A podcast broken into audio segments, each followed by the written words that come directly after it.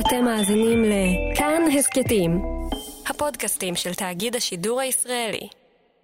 רגע, יש איזה פינה שחשוב לי לסגור לפני שממשיכים. מה? אני אמורה להגיד 2020 עכשיו? מה, מה נסגר? מה הוסכם? אה, קרן אומרת 2020. כל המגניבים אומרים 2020, אבל זה מרגיש לי קצת מלאכותי כאילו. מה תגידי, 2020? זה מה שזה. אבל אם ככה אומרים, אז ככה אומרים, אני פשוט אהלן מנסה נאור, רום, להבין. יש לך עמדה בנושא?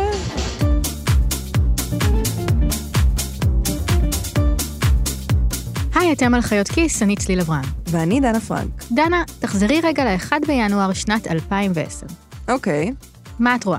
שאני לבושה נורא. ואם היית יכולה לתת עצה אחת לדנה ההיא, מה היית אומרת לה?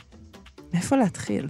משהו כלכלי. אה, לקבל מלגה בלימודים. כי הציעו לי מלגת הצטיינות, והייתי כזה, לא, לא, אני מהמעמד הבינוני, שאנשים שממש אין להם יקבלו את המלגה.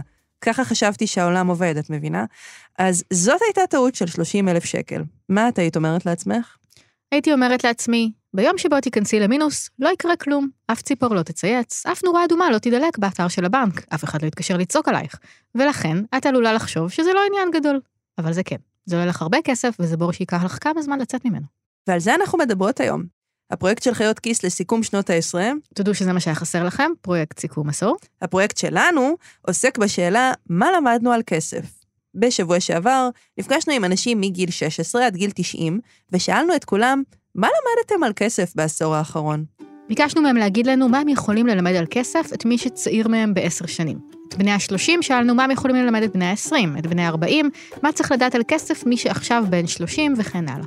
אז השבוע בחיות כיס, מה למדתי בעשור האחרון על כסף? עצות כלכליות מבני 16 עד 90. זה פרויקט מולטי פלטפורם שמתפרסם גם כסרטון בעמוד הפייסבוק וביוטיוב של כאן. שנתחיל?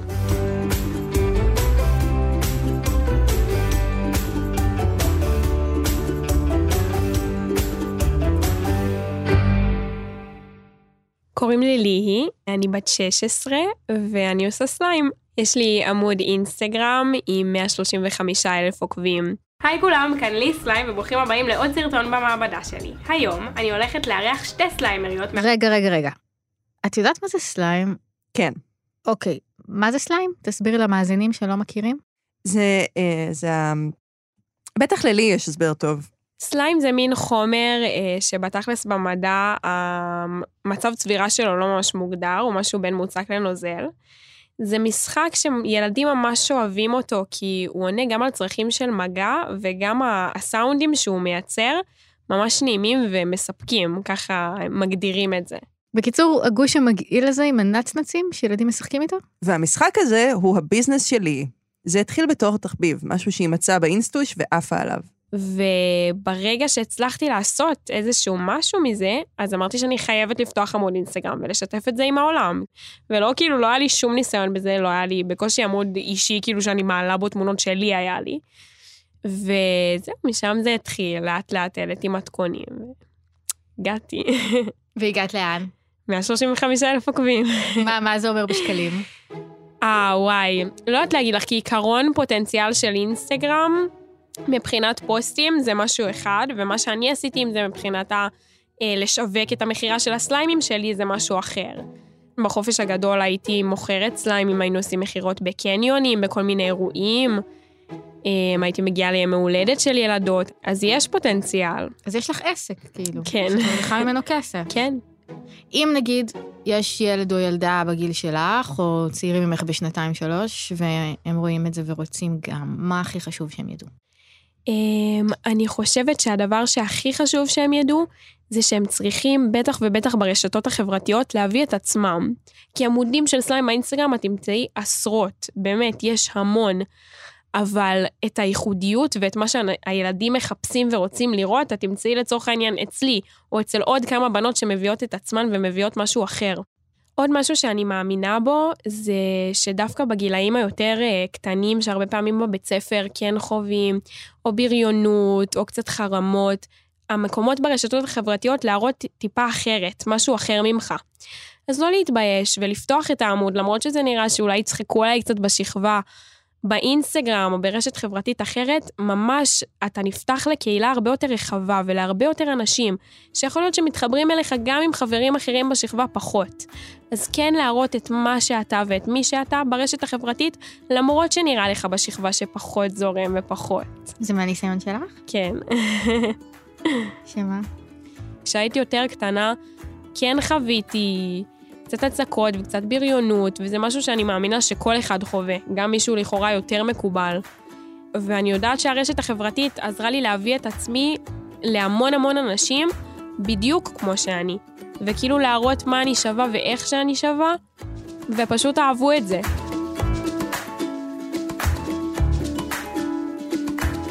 רבים משקרים לנו שגיל ההתבגרות זו התקופה היפה ביותר בחיים.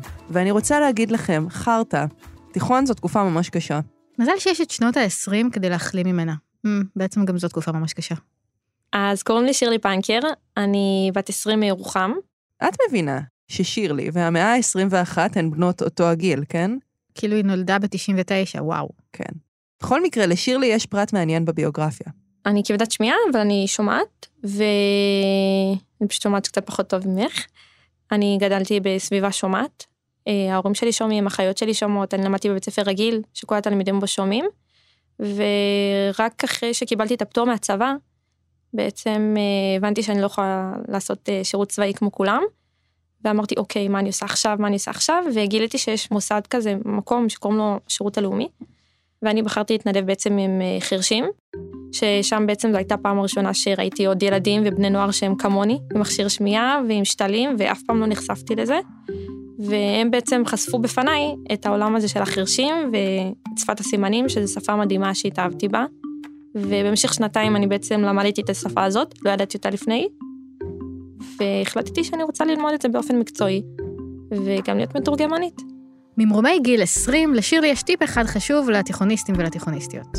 העצה שלי היא פשוט להירגע. אני בתקופת התיכון אני הגברתי גם חמש יחידות מתמטיקה, גם חמש יחידות אנגלית, עשר יחידות ביולוגיה, חמש יחידות כימיה, חמש יחידות תקשורת. אני הגברתי מלא מקצועות, וזה עשה עליי לחץ עצום, והפעיל עליי המון המון עומס שלא הצלחתי לשלב גם וגם. אני חושבת שהרגשתי לחץ אה, לא נאמר, בלתי נראה אפשר לומר, של להוכיח את עצמי כל הזמן, להראות שאני יכולה, שאני מסוגלת. והשאיפות שלי והציפיות שלי מעצמי הפכו להיות יותר מדי גבוהות, ולא הצלחתי לתמרן בין, כאילו, גם חיי חברה וגם חיי לימודים, אז אמרתי, אוקיי, אם אי אפשר גם וגם נלך רק הלימודים, נורא היה לי חשוב, התעודת בגרות, הדף הזה שאני אצא איתו אחרי זה, ואמרתי, הוא צריך להיות מושלם. ככה אומרים לנו, שכאילו לא יקבלו אותי בשום אוניברסיטה אם הוא לא יהיה מושלם. ועכשיו אני מבינה שזה לא ככה. עובדה, אני לומדת עכשיו מקצוע שללימודי מתורגמנות לא הייתי צריכה, לא פסיכומטרי, וגם התעודת בגרות לא ביקשו ממני חמש יחידות מתמטיקה או אנגלית. אז אני מבינה שאפשר להצליח, כאילו, אני לא אומרת לזלזל בזה, ולא ללמוד ולא להגיע לבית ספר, ממש לא. אני פשוט אומרת שלא להשתגע, לא להתחרפן, לשמור על עצמך, לשמור על הבריאות שלך, ולקחת הכל בפרופורציות, זה הכי חשוב. באמת, אם אתם בתיכון ואתם מאזינים לחיות כיס, קודם כל, כל הכבוד, אבל תדעו את זה. אין באמת תיק אישי שהולך ללוות אתכם כל החיים. וזה שאתה בן לא אומר שאתה חייב להגביר פיזיקה. אם כי מוסרים לי באוזנייה שרום העורך הגביר פיזיקה. האמת, מרשים. הגמעה צליל? כן, אני בתיכון לקחתי הכל קצת יותר מדי בפרופורציות, אם אפשר להגיד. חבל שלא הייתה שם איזה שירלי שאמרה לי שאפשר גם לעשות חמש יחידות במשהו. נריה, אה, בן 32, אה, עליתי מברזיל. אני נשוי לסופי, גם אה, עולה מאנגליה, יש לנו שלושה בנים.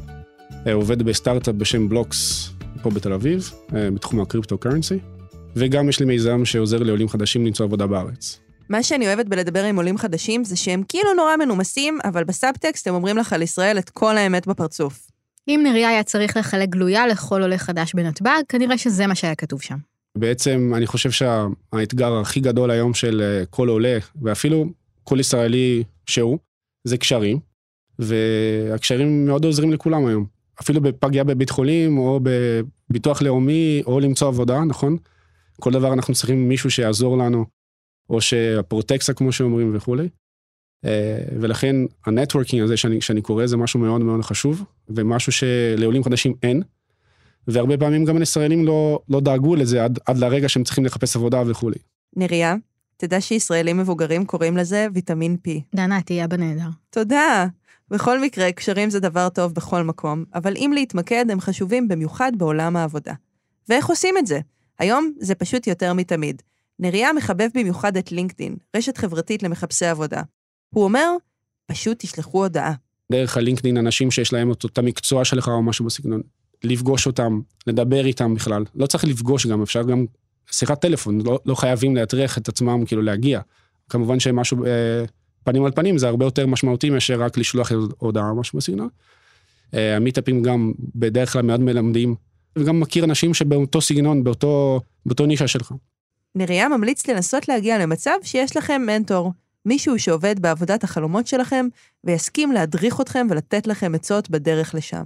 טוב, קשר אישי עם מנטור שהוא מאסטר בתחום שלך זה דבר נהדר. אבל איך יוצרים כזה? יש שיקוי מיוחד שעוזר במטרה הזאת. הוא נקרא קפה. פשוט להציע לשבת לקפה. ומקסימום מה שיקרה, בזבזת 30 שקל לקפה הזה. אבל לפחות הכרת עוד מישהו, הרחבת את ה networking שלך, וזה יכול לתת לך איזו הכוונה מסוימת לתחום וכל דבר בחיים.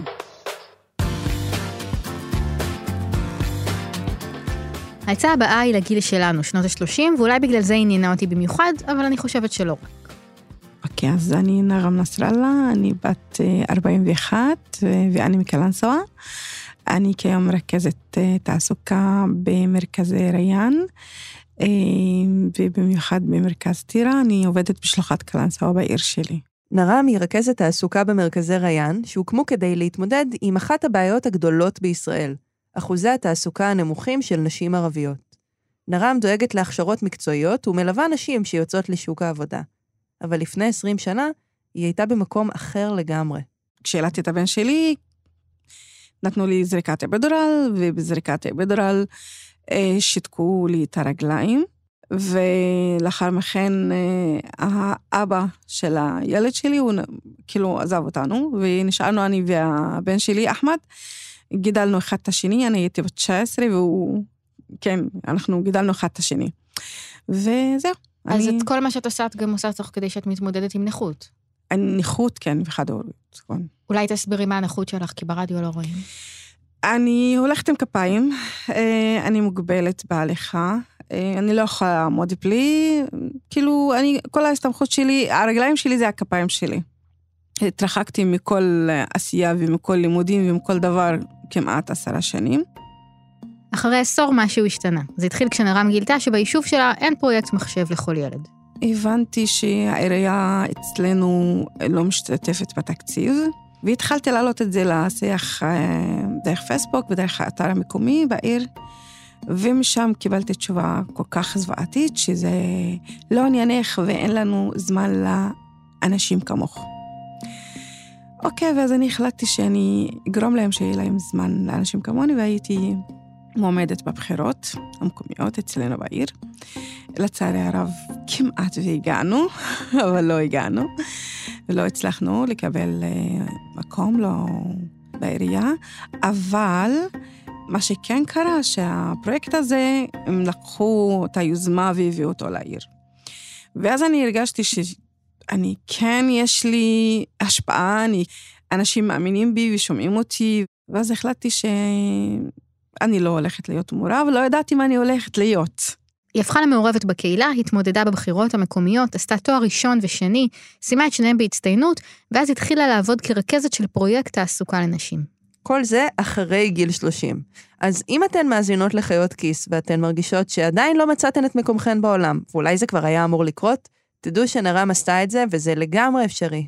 מכל הניסיון חיים הזה, מה למדת על עבודה ועל כסף? שאת חושבת שחשוב שנשים צעירות ממך ידעו.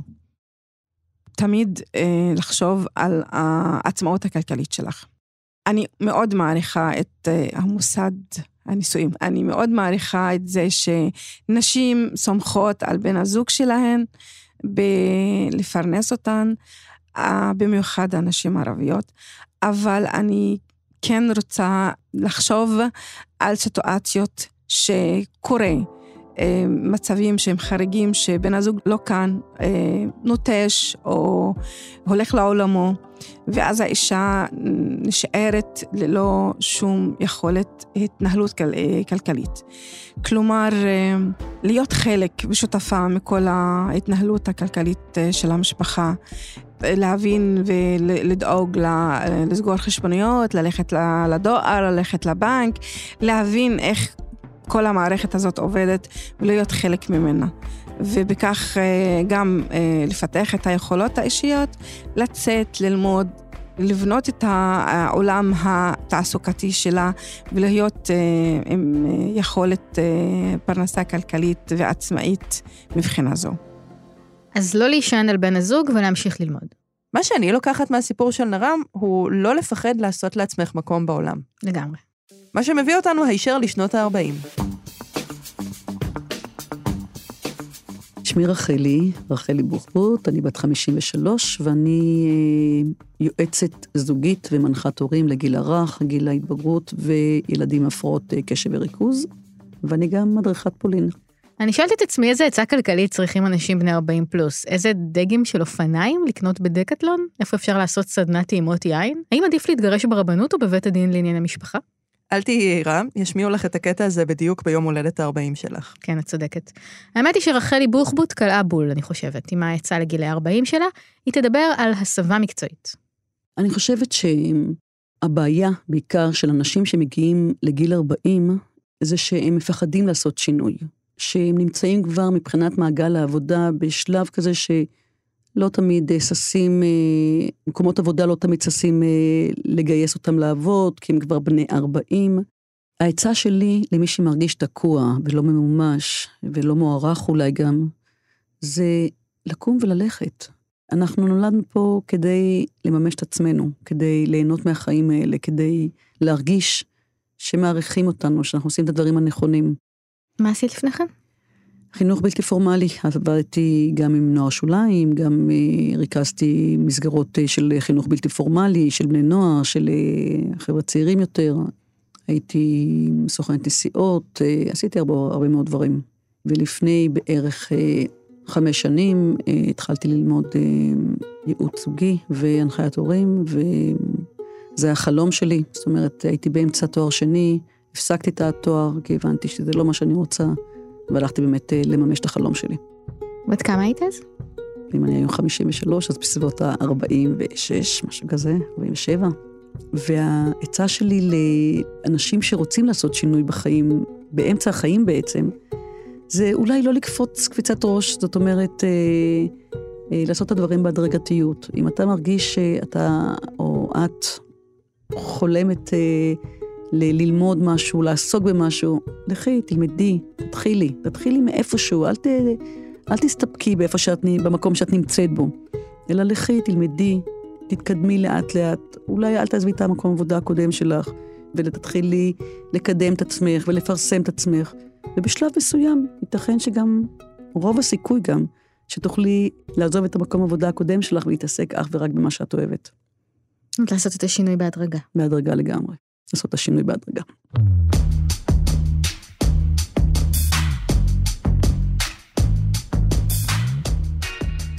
קוראים לי נחמה, אני בת 66. נכון להיום, אני מנהלת חנות של כלים חד פעמיים בבת ים.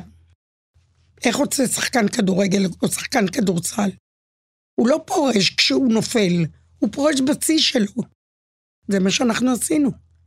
פרשנו בשיא, התקדמנו.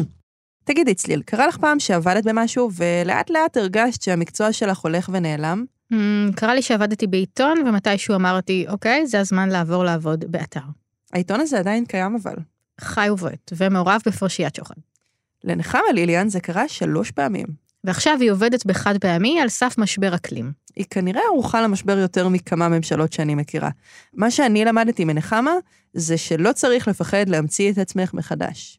אנחנו לפני 39 שנה, בעלי עבד אה, לוטש יהלומים, והייתה נפילה, ולא הייתה עבודה. והחלטנו לפתוח עסק. העדפנו לקנות עסק שעובד. ראינו את המכשירי כתיבה. מצא חן בעינינו. חנות מכשירי הכתיבה של נחמה ואבי הייתה כיפית במיוחד. אבל לאט לאט הרשתות הגדולות אכלו את קהל הלקוחות שלהם. אז הם חשבו וחשבו והחליטו לפתוח קיוסק. נכון שבכל מקום יש קיוסק, אבל לא בכל מקום יש את נחמה המחייכת, יש את אבי המספר סיפורים, יש את ה... של הביחד שלה בכיף. הבחור שהיה בפינה, שבין המכשירי כתיבה לקיוסק, רצה למכור את המקום, ואמרתי, רגע אחד, אז אני אמכור גם לחם וחלב. נקנה. וזה דמי מפתח. אפשר לעמוד בתשלום. וקנינו. עבדנו במכולת 24 שנים. יום אחד גם המכולת כבר לא התאימה להם יותר. אבי ניגש ללחמה ואמר לה, איני יכול עוד. עבודה מאוד קשה. סליחה על הביטוי, את רוצה לקלל מישהו? אל תגידי לו, הנה על אביך, תגידי לו, הלוואי שיהיה לך מכולת. העבודה היא, אם באמת אכפת לך מהמכולת, אם באמת אכפת לך מהאנשים שקונים, לבוא בחמש בבוקר, להכניס את החלב איך שהוא מגיע, להכניס את הלחם שהוא לא יהיה על המדרכה ברחוב, את הלחמניות, את כל הדברים. וזה עבודה מחמש בבוקר, ולסדר, ולדאוג שתמיד יהיה נקי, לדאוג שיהיה תמיד טרי, לדאוג שלא יחסר לך כלום. זה קשה, זו עבודה קשה. אני חושבת ש-24 שנה זה מספיק זמן. אמרתי לו, אין בעיה, מחר אני עושה שלט, מכירת חיסול. שב בחוץ. אמרתי לבעלי, שב על, המדרח, על הספסל. תחשוב, מה דעתך? מה לפתוח? והוא בא אליי ואמר לי, מה דעתך? בואי נזרום עם הזרם. חנויות חד פעמי נפתחות כמו פטריות אחרי הגשם. בואי ננסה. אמרתי לו, אתה יודע שאצלי אין ניסיונות. או שחור או לבן. אין אצלי אפור. אמר לי, אוקיי, הלכנו על חד פעמי. נחמה כבר ראתה דבר או שניים בחיים, והיא החליטה לזרום על זה, אבל ידעה שלפני שפותחים את החנות, יש לה שיעורי בית. ברוך השם, יש לנו גוגל, דוקטור גוגל. פתחתי ובדקתי מי מייבא, מי מייצא, מי עושה פה בארץ, כי אני מעדיפה כחול לבן. והגעתי לאנשים. לא יד שלישית, יד ראשונה, בשביל למכור בזול יותר. בשביל למכור לכולם. עכשיו, שחיתי בבריכה שלא ידעתי לשחות, אבל היו לי מצופים נהדרים. שאלתי, התעניינתי, הנחישות שבי, האהבה לקהל, האינטראקציה עם אנשים, אצלי דבר ראשון, שתהיה חיובית. וככה, ברוך השם, אני כאן. את יכולה עכשיו את כל מה שאמרת לי להגיד את זה בתור עצה למישהו שעכשיו פותח עסק? כן, בטח. תסתכל מסביב. מה יש מסביב? יש uh, בניינים שיש קליינטורה? לא בטוח שכולם יבואו לקנות ממך. אתה יכול להחזיק את המקום. אתה אוהב את מה שאתה הולך לעשות. יש לך פרטנר שיוכל לעמוד מאחריך? חלית, מישהו יכול להחליף אותך? מישהו יכול לעודד אותך? מישהו יכול להיות איתך? לא הצלחתם? תעצרו. אל תמשיכו, אל תנסו. אתם לא תתקנו, את תקלקלו, אתם תיפלו. מעניין כמה גלגולים החנות שלהם עוד תעבור. יש לך ניחוש? 50 שקל שעד 2030 יש שם סטודיו לפילאטיס. מזל שהקלטנו אותך אומרת את זה. בכל מקרה, בואי נעבור לשנות ה-70 הסוערות. כן, הן סוערות? קוראים לי יעל קניאס, אני בפברואר אהיה בת 71, וכרגע אני פנסיונרית, אה, מטפלת בנדלן שיש לי, ומנגנת בהתנדבות, אה, בהקים. ליעל היה בית ספר למוזיקה, וגם קריירה שנייה, כמפיקה בפועל של סרטי קולנוע, כולל השלאגרים מה nineties, שירת הסירנה והכוכב הכחול. אבל אם אתם מדמיינים עכשיו איזה בוהמיאנית שיושבת עם הלפטופ בבית קפה ומנסה לסיים תסריט, תדמיינו שוב. יעל תמיד ידעה איך לעשות כסף מאומנות. לי יש uh, ראייה כלכלית, וגם אם uh, עסקתי בקולנוע, אז בחרתי את התחום של הפרסום הסמוי בסרטים. אז uh, התברכתי בתחום הזה והתמחיתי בזה, ושכנעתי את המנכ"לים של החברות הכי גדולות להשקיע בסרט ולקבל את הפרסום שלהם. יש דרך לעשות דברים. שעוברת משאית ורואים את, ה, uh, את אוסם למשל, או את uh, טרה, אז משלמים על זה כסף. פרסום סמוי זה דרך נהדרת uh, להעלות uh, מהרעיון את המחשבה לשטח. מי שמתברג בטופ, מצליח גם בתחום האומנות אה, לעשות כסף. תלוי איך אתה מכוון את עצמך. אז כסף זה לא דבר אה, פסול. לפני 20 שנה יעל עזבה גם את הקולנוע והלכה לסעוד את הוריה שחלו. כשהם נפטרו הם השאירו לה נדל"ן, ומאז זה מה שהיא עושה. מטפלת בנדל"ן של המשפחה. וגם מתנדבת. האמת שמשפחה כזאת גם אני אשמח לצאת לפנסיה. מוכנה לשנות ה-80? אני לא יודעת למה, אבל תמיד כשאומרים שנות ה-80, אני חושבת כריות בכתפיים. אני חושבת על ספרי בשיער. אבל האמת שאבי ליליאן, בן 81, לא שם בכלל. אבי הוא בעלה של נחמה שדיברנו איתה קודם, והם מחזיקים ביחד את החנות שעברה כל כך הרבה גלגולים. למרות שהוא כבר מזמן חצה את גיל הפרישה. אני חושבת שהמסקנה הכי מעניינת שהייתה לי מכל הפרויקט הזה, זה כמה זמן יש לנו בעצם להיות בפנסיה. אם את יוצאת לפנסיה בגיל הזכאות, כלומר 62, ויש לך גנים טובים, את יכולה להיות בפנסיה בכיף 30 שנה. זה קצת מלחיץ. אני בת 30 עכשיו, את מבינה? כאילו... אז לפי אבי, הדרך להתמודד עם זה היא פשוט לא לצאת לפנסיה. בן כמה אתה? עכשיו 81 בארבעה חודשים. ואתה עדיין כל יום קם לחנות? קם, עובד, מינימום 7-8 שעות ביום אני עובד. למה אתה לא פורש? לא רוצה לפרוש. מה אני אעשה בבית כל היום? לא יודעת מה אנשים עושים בבית. לא יודע, לא מעניין, זה לא טוב. יש לי חברים שיצאו לפנסיה, והם היום על כיסא גלגלים, בגיל שלי. אוקיי. כי קשה להם ללכת, אני הולך ורץ והולך לשחות והכל. אז בוא נעשה כזה דבר, נגיד שיושב מולך לא אני, אלא בן אדם בן 70. אתה יכול לתת לו, מה העצה הכי חשובה שאתה יכול לתת לו? הדבר הכי חשוב שכדאי שהוא יהיה. אפילו אם יש לו כסף ויש לו פנסיה טובה, ללכת או להתנדב, או לעבוד עבודה קלה, להעסיק את עצמו, להעסיק את המוח שלו. כשבן אדם צריך לעבוד, המוח עובד גם. אם אתה יושב כל היום בבית, אתה מתנוון. זה א' ב' של החיים. אבי אמר שבשנים האחרונות הוא התחיל לתת שנץ קטן באמצע יום העבודה, אבל מעבר לזה הוא לא מתכוון להפסיק לעבוד אף פעם. מבחינתו לצאת לחופש פעם בשנה זה די ויותר. מהמדגם הלא מייצג שעשינו בפרויקט הזה, נראה שהוא צודק. תשמעי, אה, אני לא יודעת איך להגיד לך את זה, אבל נראה שאנחנו פחות מצליחות אצל בני 90 פלוס. טוב, ברוך הבא לחיות כיס. ל? לחיות כיס. חיות? חיות כיס. חיות כיס? נכון.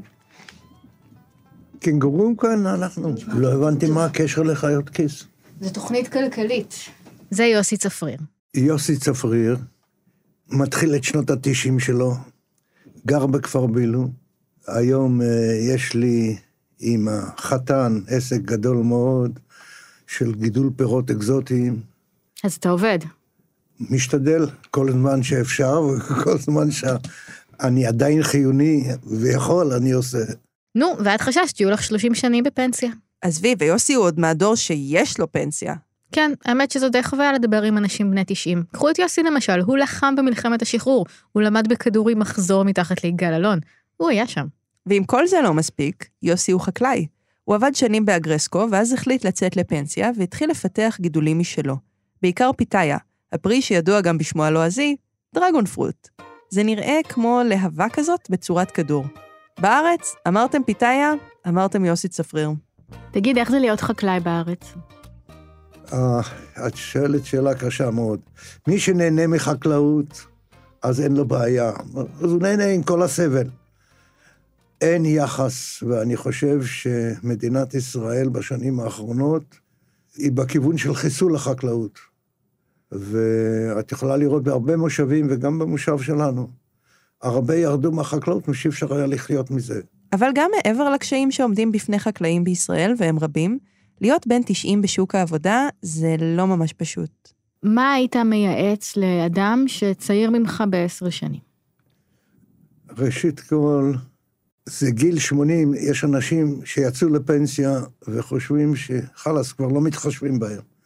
ראשית כל, להיות עם רצון שלא יבואו ויגידו לך, חכה, אתה, אתה כבר עברת את הגיל. תרגיש ותעשה מה שאתה יכול, תיזום ותעבוד עם זה, עם עקשנות. אני גם לא נותן לדור הצעיר שיגיד לי, זוז זוז הצידה, אנחנו יכולים. הם מנסים כל פעם להוריד אותי, אבל אני מנסה לעשות הכל. לא להוריד אותי פיזית, כלומר, להגיד לי, לך. אבל אתה, אתה כבר, זה לא כל כך בשבילך כבר. תמשיך כמה שאתה יכול, כמו שתרגיש, ככה תיראה. וללא כל ספק, הילדים, הסביבה, תמיד אמרו, אתה כבר מבוגר, אה, תן לנו. תעשה מה שאתה יכול, כל זמן שאתה יכול. אני גם כמעט כל בוקר עושה צעידה, לא ארוכה, אבל עושה צעידה. עוד פעם, להיות, להיות פוזיטיבי, בוא אני אגיד ככה. להיות תמיד פוזיטיבי ולא שלילי. שלילות, יש לא חסר על מה לבקר. בייחוד בשנים האחרונות.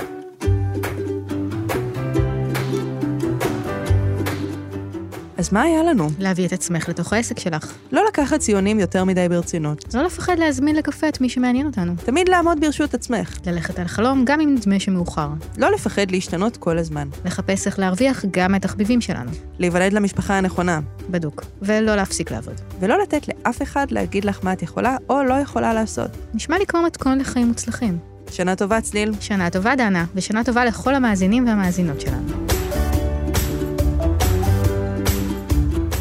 האזנתם לפרק של חיות כיס, ערך את הפרק רום אטיק, ועורך הסאונד שלנו הוא אסף רפפורט. את התחקיר לפרק עשה עומר צוברי, ועזרה לו יהודית רוזנפלד. בהכנת הפרק השתתפה גם שרון אלבז. במערכת חיות כיס חבר גם שאול אמסטרדמסקי. אל תשכחו להיכנס לקבוצת הפייסבוק שלנו ולספר מה אתם למדתם בעשור האחרון, ובכלל כיף בקבוצה. וכן, אנחנו יודעות שלוקח קצת זמן עד שמקבלים אישור, אבל תתאזרו בסבלנות כי זה שווה. תודה רבה, דנה פרנק. תודה לך, צליל אברהם, ותודה שהאזנתם.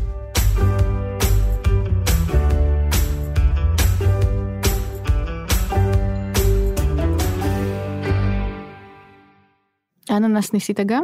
יש לנו גם, אנחנו מגדלים אננס. אז אני חייבת לשאול אותך שאלה שכל הזמן שואלים אותנו. כן. למה אננס כל כך יקר בארץ? שני דברים. אחד, לגדל אננס, את לוקחת ושותלת איחור, ומחכה שנתיים עד שהאיחור הזה נותן פרי אחד. אחרי שהוא נתן את הפרי, האימא גידלה עוד איזה שניים שלושה איחורים, שאתה צריך לקחת ולשתול עוד פעם ולחכות עוד פעם שנתיים. כלומר, העלות זה אחת. שתיים, מאחר וזה גידול טרופי, אתה חייב לגדל אותו, בחורף לתת לו צל, וכשמגיע הסתיו, מתחיל החורף, אתה מכסה אותו בפלסטיק, כאילו בחממה. אז הרבה השקעה, ובזמן שבאזורים הטרופיים הוא גדל בפתוח. עכשיו, לייבא אננס, בעולם יש ייצור גדול מאוד של אננס. לייבא אננס לארץ, אנחנו יכולים לייבא, אבל אז נהרוס את כל הגידולים הטרופיים, כאבוקדו למשל. יש המון מזיקים על האננס באזור הטרופי, שאם ייכנסו לארץ זה יכול לגמור את כל תעשיית האבוקדו בארץ. בגלל זה אסור עם הכתר? ומנגו. מה? בגלל זה אסור עם הכתר לייבא? בדיוק. Mm. ואז חותכים את הכתר ואז מביאים פרי שהוא גם לא בשל מספיק. Mm. ואם רוצים פרי טוב, אז חייבים לגדל אותו. וזהו, הגידול הוא, הוא לא קשה כמו שהוא ארוך, והרבה טיפול, וההשקעה היא עצומה. אז בגלל זה הוא עולה יקר. והשטחים הם לא גדולים, לא כל אחד יכול באמת לעשות עבודה כמו שאנחנו עושים, לראות. את מוזמנת לראות.